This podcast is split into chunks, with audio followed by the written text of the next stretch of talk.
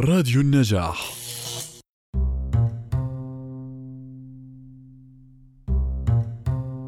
ما بنقدر ننكر إنه حياتنا مليانة بالمواقف والأحداث والمشاعر اللي أساساً بدونهم بنكون عايشين حياة مملة روتينية ما إلها طعم.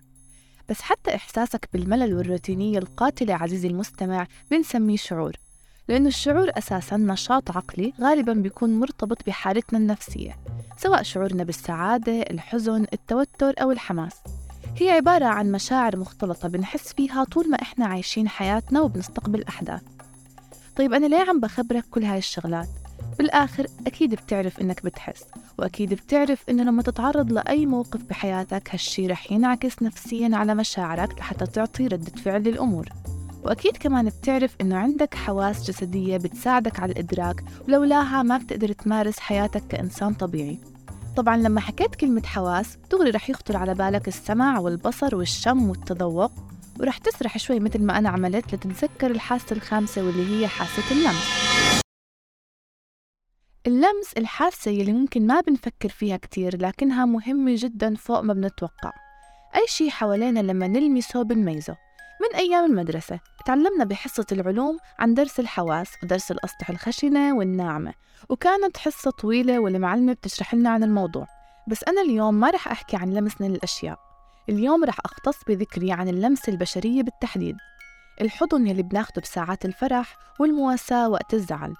مسكة الإيدين من شخص بنحبه وبنوثق فيه أو في حال شفت حدا بدك تتعرف عليه بتصافحوا لتسلموا على بعض. أو بعد غياب طويل شفت شخص بتعرفه كتير بتروحوا وبتحضنوا بعض كنوع من التعبير عن الحب والمودة بين الشخصين. وعلى قد ما اللمس مهم وصفته عالمة النفس تيفاني فيلد في كتابها Touch إنه هو أم الحواس. حاسة أساسية جدا وتخيل غيابها إشي مستحيل. بس طبعا نحن هون ببودكاست ماذا لو ما عنا إشي مستحيل؟ وظيفتنا نطرح الأسئلة الغريبة ونلاقي لها جواب. لهيك عزيزي المستمع بحلقتنا لليوم من بودكاست ماذا لو معي أنا رها الشرقاوي على راديو النجاح. رح نتحدث عن ماذا لو اختفت اللمسة البشرية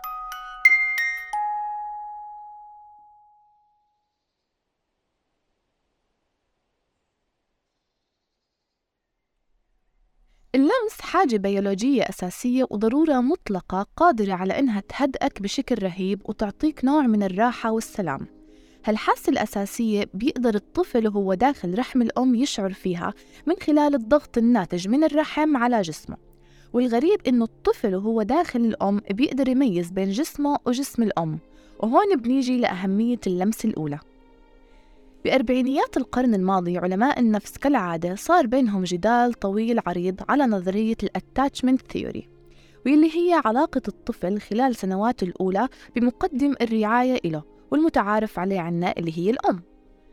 طال الجدال بينهم وانقسموا فريقين. الفريق الأول حكى أنه علاقة الأم وارتباطها بطفلها خلال سنواته الأولى قائمة على أنها مصدر غذاء له فقط لا غير. يعني علاقة الطفل والأم بأول فترة هي بس لحتى تقدم له الأكل وتخليه يشبع. ولو الطفل وجد مصدر غذاء تاني بغض النظر مين رح يكون رح يميل لإله ومش مهم هالارتباط اللي رح يكون بينه وبين أمه. المهم إنه في حدا عم بطعميه. الفريق الثاني اعترض وحكى إنه العلاقة اللي بتنشأ بين الطفل والأم على أساس الرعاية والحنان واللمسات اللطيفة بتكون روابط نفسية قوية وبتعزز النمو. وضل هالجدال قائم بينهم. يلي بيحكي إنه لا مش ضروري التقارب الجسدي المهم تقدم له غذاء صحي واللي بيحكي إنه أهم شي القرب الجسدي واللمسات اللطيفة والرعاية. لحد ما إجا صديقنا الطبيب وعالم النفس الأمريكي هارلي هارلو وحسم هالجدال عام 1950 في تجربة تعرف ب هارلو ستدي أو maternal deprivation اللي هو الحرمان من الأم. طبق التجربة على صغار قرود الرسوس وأخذهم بعيد عن أمهاتهم في بيئة معملية ووضعهم في أقفاص منفصلة وعيشهم بجو من العزلة الاجتماعية وقدموا لهم الرعاية الأساسية فقط اللي هي الطعام ولكن بدون أي تلامس. أظهرت القرود سلوك مضطرب. كانوا يحدقوا بالفراغ ويقفزوا في أقفاصهم أحيانا وانعزلوا على نفسهم. والغريب واللي لاحظه هارلي إنهم كانوا يحضنوا الحفاضات القطنية بأغلب الوقت. وبعد مدة من الدراسة مات أكثرهم بسبب أضرار نفسية وجسدية مثل قصور في نمو الجسم واضطراب جهاز المناعة وعدم القدرة على أداء أبسط المهام في الذاكرة لأن المناطق المركزية بالدماغ اتأثرت وتقلص حجمها. بعد ما سجل نتائج التجربة الأولى جاب مجموعة قرود تانية وحطهم بنفس البيئة وأعطاهم أمهات بديلات. عبارة عن روبوت مصنوع من أسلاك ومعاه حليب والروبوت الثاني ما كان معاه حليب بس كان شبيه للأم مغطى بالقماش الناعم. وبعد وقت لاحظ أنه القرود الصغار كان معظم قربهم من الأم المصنوعة من القماش وكانوا يروحوا للأم المصنوعة من الأسلاك ليشربوا الحليب ويرجعوا لمكانهم. وكان تعلقهم بالأم القماشية أكبر لما كانوا يستكشفوا المكان ويحسوا بالخوف ويروحوا لحتى يحتموا فيها ويحسوا بالراحة. وهالتجربة دليل على أنه العلاقة بين الطفل والوالدين وبالتحديد اللمسة من الأم مهمة جدا وبتكون بالدرجة الأولى. طيب شو ممكن يكون تأثير اللمس على الطفل بعد الولادة؟ عزيزي المستمع وقت نقدم لطفلنا لمسات خفيفة وناعمة ويستشعر بدفى جسمنا هيك إحنا عم نمنحه شعور بأنه في حدا عم يعتني فيه. وهالإحساس هاد ضروري لأي طفل ليحس إنه بينتمي لهالعالم ضمن مجموعة أشخاص عم يقدموا له الرعاية. حتى لو كان الطفل غير واعي لهالإشي بس شعوره بالانتماء مهم جدا ليحفز نموه. ومن الناحية الجسدية فاللمس للأطفال بعد الولادة بيعمل على استقرار التنفس ودرجة حرارة الجسم ومستويات السكر بالدم والطفل ببلش يشعر شوي شوي بحدوده الجسدية من خلال اللمسات.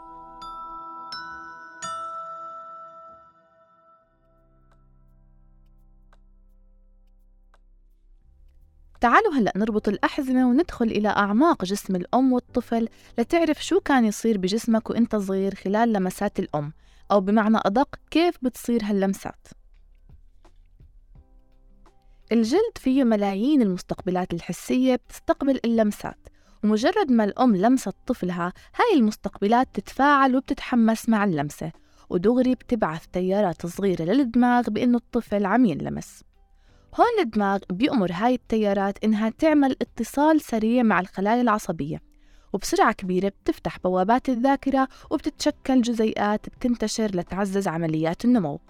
يعني باختصار اللمسة اللطيفة من الأم بتمر برحلة من الجلد للدماغ عبر الخلايا العصبية لتعزز نمو الطفل بشكل سليم ومو بس النمو الجسدي ولكن النمو النفسي. وكتير دراسات صارت لما تسلط الضوء على هذا الموضوع ومنها تجربة still face.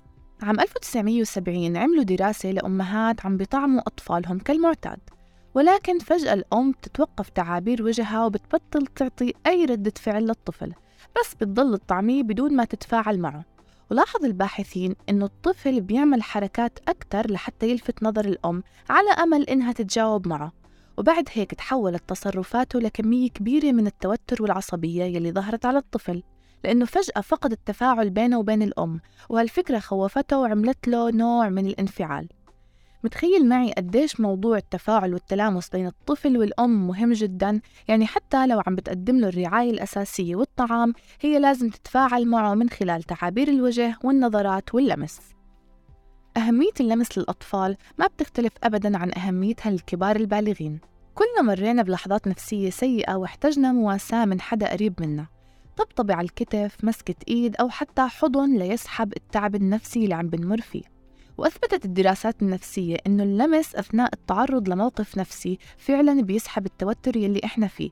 لأنه هاي اللمسة يلي تعرضنا لها بتعطي إشارة للدماغ لتفويض وإعطاء المشاعر يلي عم بنحس فيها للشخص يلي قام بمواساتنا ولمسنا.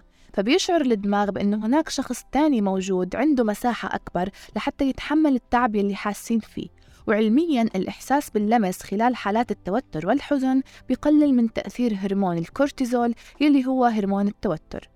حتى لو كنا مش متعودين على اللمس الجسدي بشكل كبير ولكن بضل أفضل بكتير من المواساة بالكلمات. والفرق واضح بس حدا يحاول يواسيك ويخبرك بأنه كل شي رح يكون منيح أو هدي حالك ومش مستاهلة ما رح تحس بإشي كبير. ولو حسيت ما رح يكون نفس إحساسك لما هالشخص المقرب يحضنك أو يمسك إيدك ليحسسك إنه جنبك. طيب عن جد ليه لهالدرجة الحضن والتلامس الجسدي مهم إلنا كبشر؟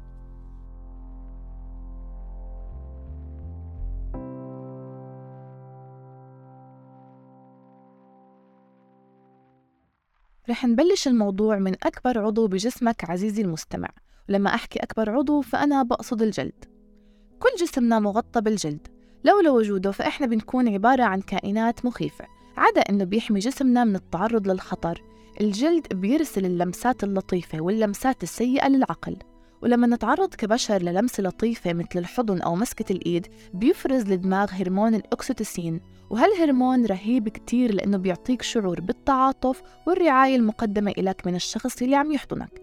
وبيخليك تشعر بالرضا وبيقلل الخوف وغير إنه بيقوي علاقتك بين الناس.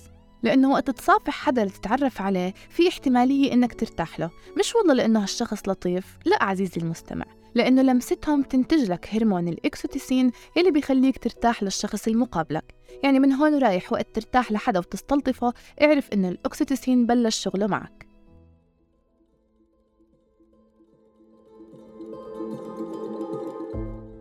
طيب صديقي المستمع خبرني متى آخر مرة حضنت فيها حدا بتعرفه أو سلمت عليه؟ وشو كان شعورك بهديك اللحظة؟ خلونا نسمع مشاركات أصدقائنا مع بعض. آه، كانت ماما صراحة هي آخر حدا حضنته وكانت امبارح بالليل يعني. مش متذكر وإحنا مش متعودين هيك آه، كعرب آه، نحضن. هيك بشكل طبيعي غير لما تكون في مناسبة. حلو هو شعور وجميل. من زمان مش متذكر متى آخر مرة حضنت فيها حدا؟ من سنة كانت آخر مرة لمست فيها حدا بحبه. وشعور اللمس كان إنه شعور دفى شعور إنه حنية وإنه حدا بطمن لما أنا أكون لامسيته طبعا كان من ماما أكيد. أكتر حدا بحب أحضنه. أه لمس يعني بحس ما إلهوش وقت يعني إنه يخلص أو ينتهي. يعني بحسه باقي ما بقيت الحياة. لأن كل يوم واحد بيلمس أولاده أه إيديه بتلامس الأرض لما يصلي. هذا اللمس يعني مستمر بحياتنا. بشوف أهله آه، أبنائه كل يوم بيطبطب عليهم وبيلمسهم. آه، آه، بس بكره اللمس المفاجئ. لأنه يعني بخاف من اللمس المفاجئ. آخر مرة حضنت فيها شخص ما بتذكر إني أنا حضنت أي شخص بحياتي. هيك أنا بحب دايما أكون عاملة مسافة بيني وبين الشخص. قليل ما حدا يحضني. يعني آخر مرة أمي حضنتني حسيت بالحب والطمأنينة.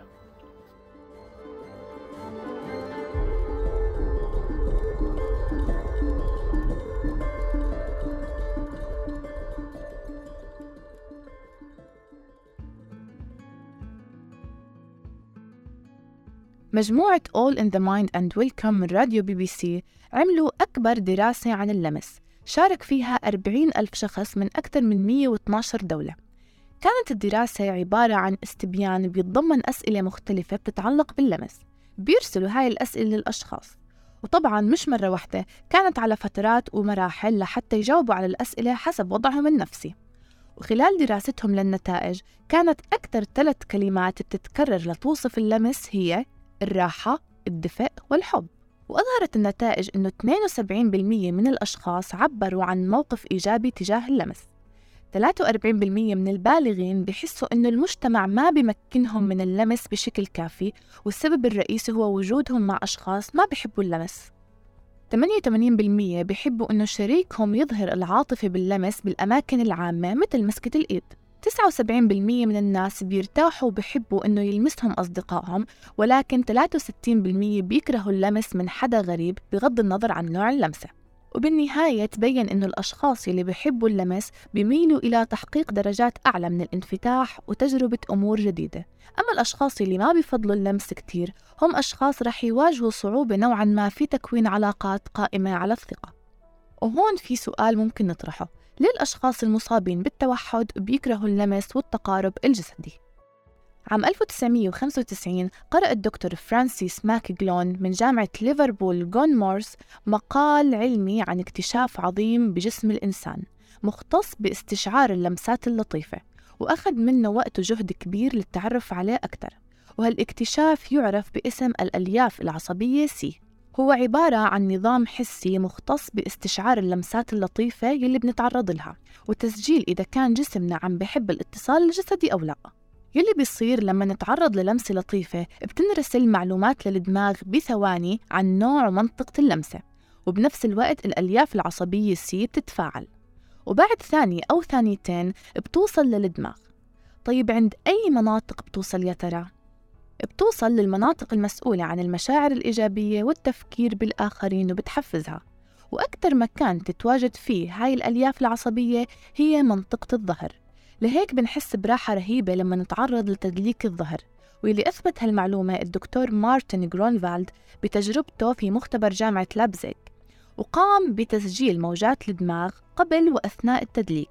واللي لاحظوا أن موجات الدماغ أثناء التدليك بتتباطأ لحد ما توصل لمرحلة الاسترخاء الشديد مثل لما نكون نايمين بعمق وبالنسبة للأشخاص المصابين بالتوحد الألياف العصبية سي عندهم بتكون أقل استجابة للمسات بسبب وجود شذوذ فيها لهيك قدرتهم على الترابط الاجتماعي قليلة جدا ولكن لحد الآن ما جاوبنا على سؤال الحلقة ماذا لو اختفت اللمسة البشرية؟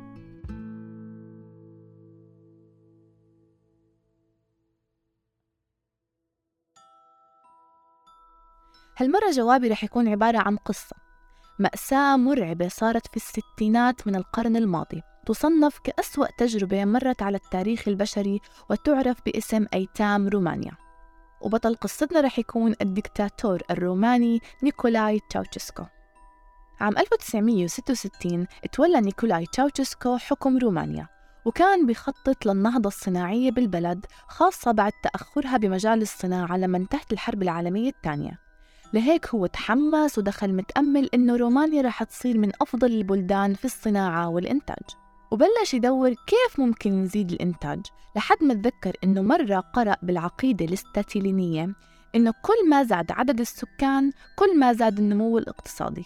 وأصدر قرار دولي اسمه مرسوم 770 بيمنع الإجهاض وتناول حبوب منع الحمل للنساء تحت سن الأربعين.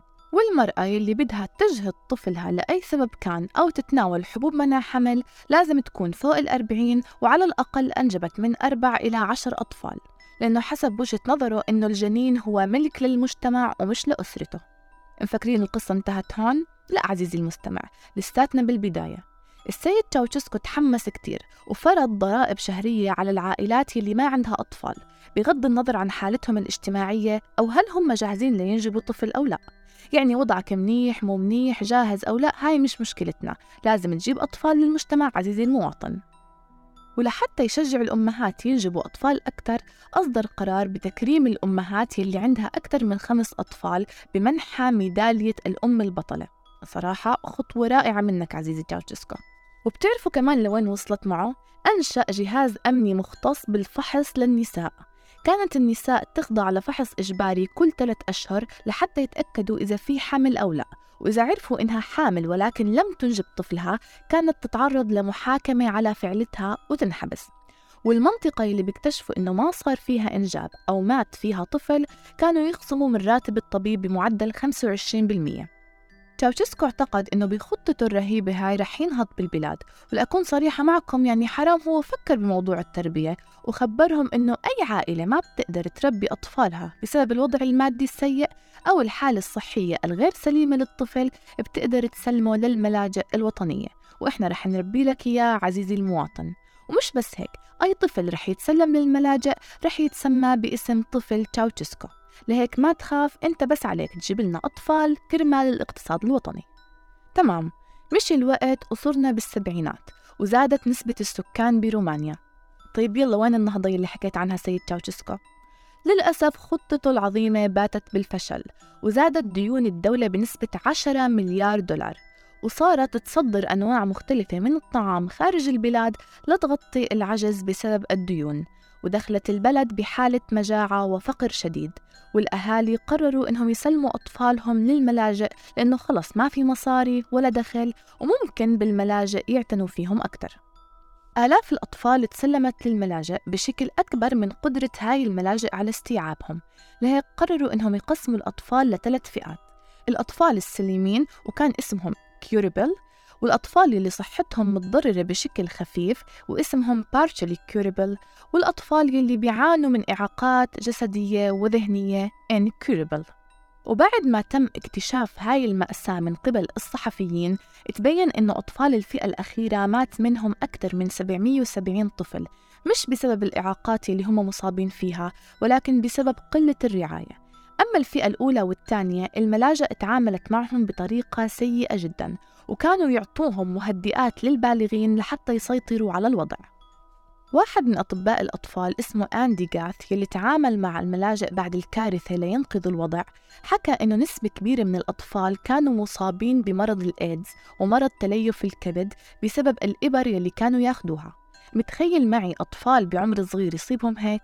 طيب أنا ليه عم بخبرك تفاصيل هالقصة وشو علاقتها بموضوع اللمس يلي عم نحكي عنه؟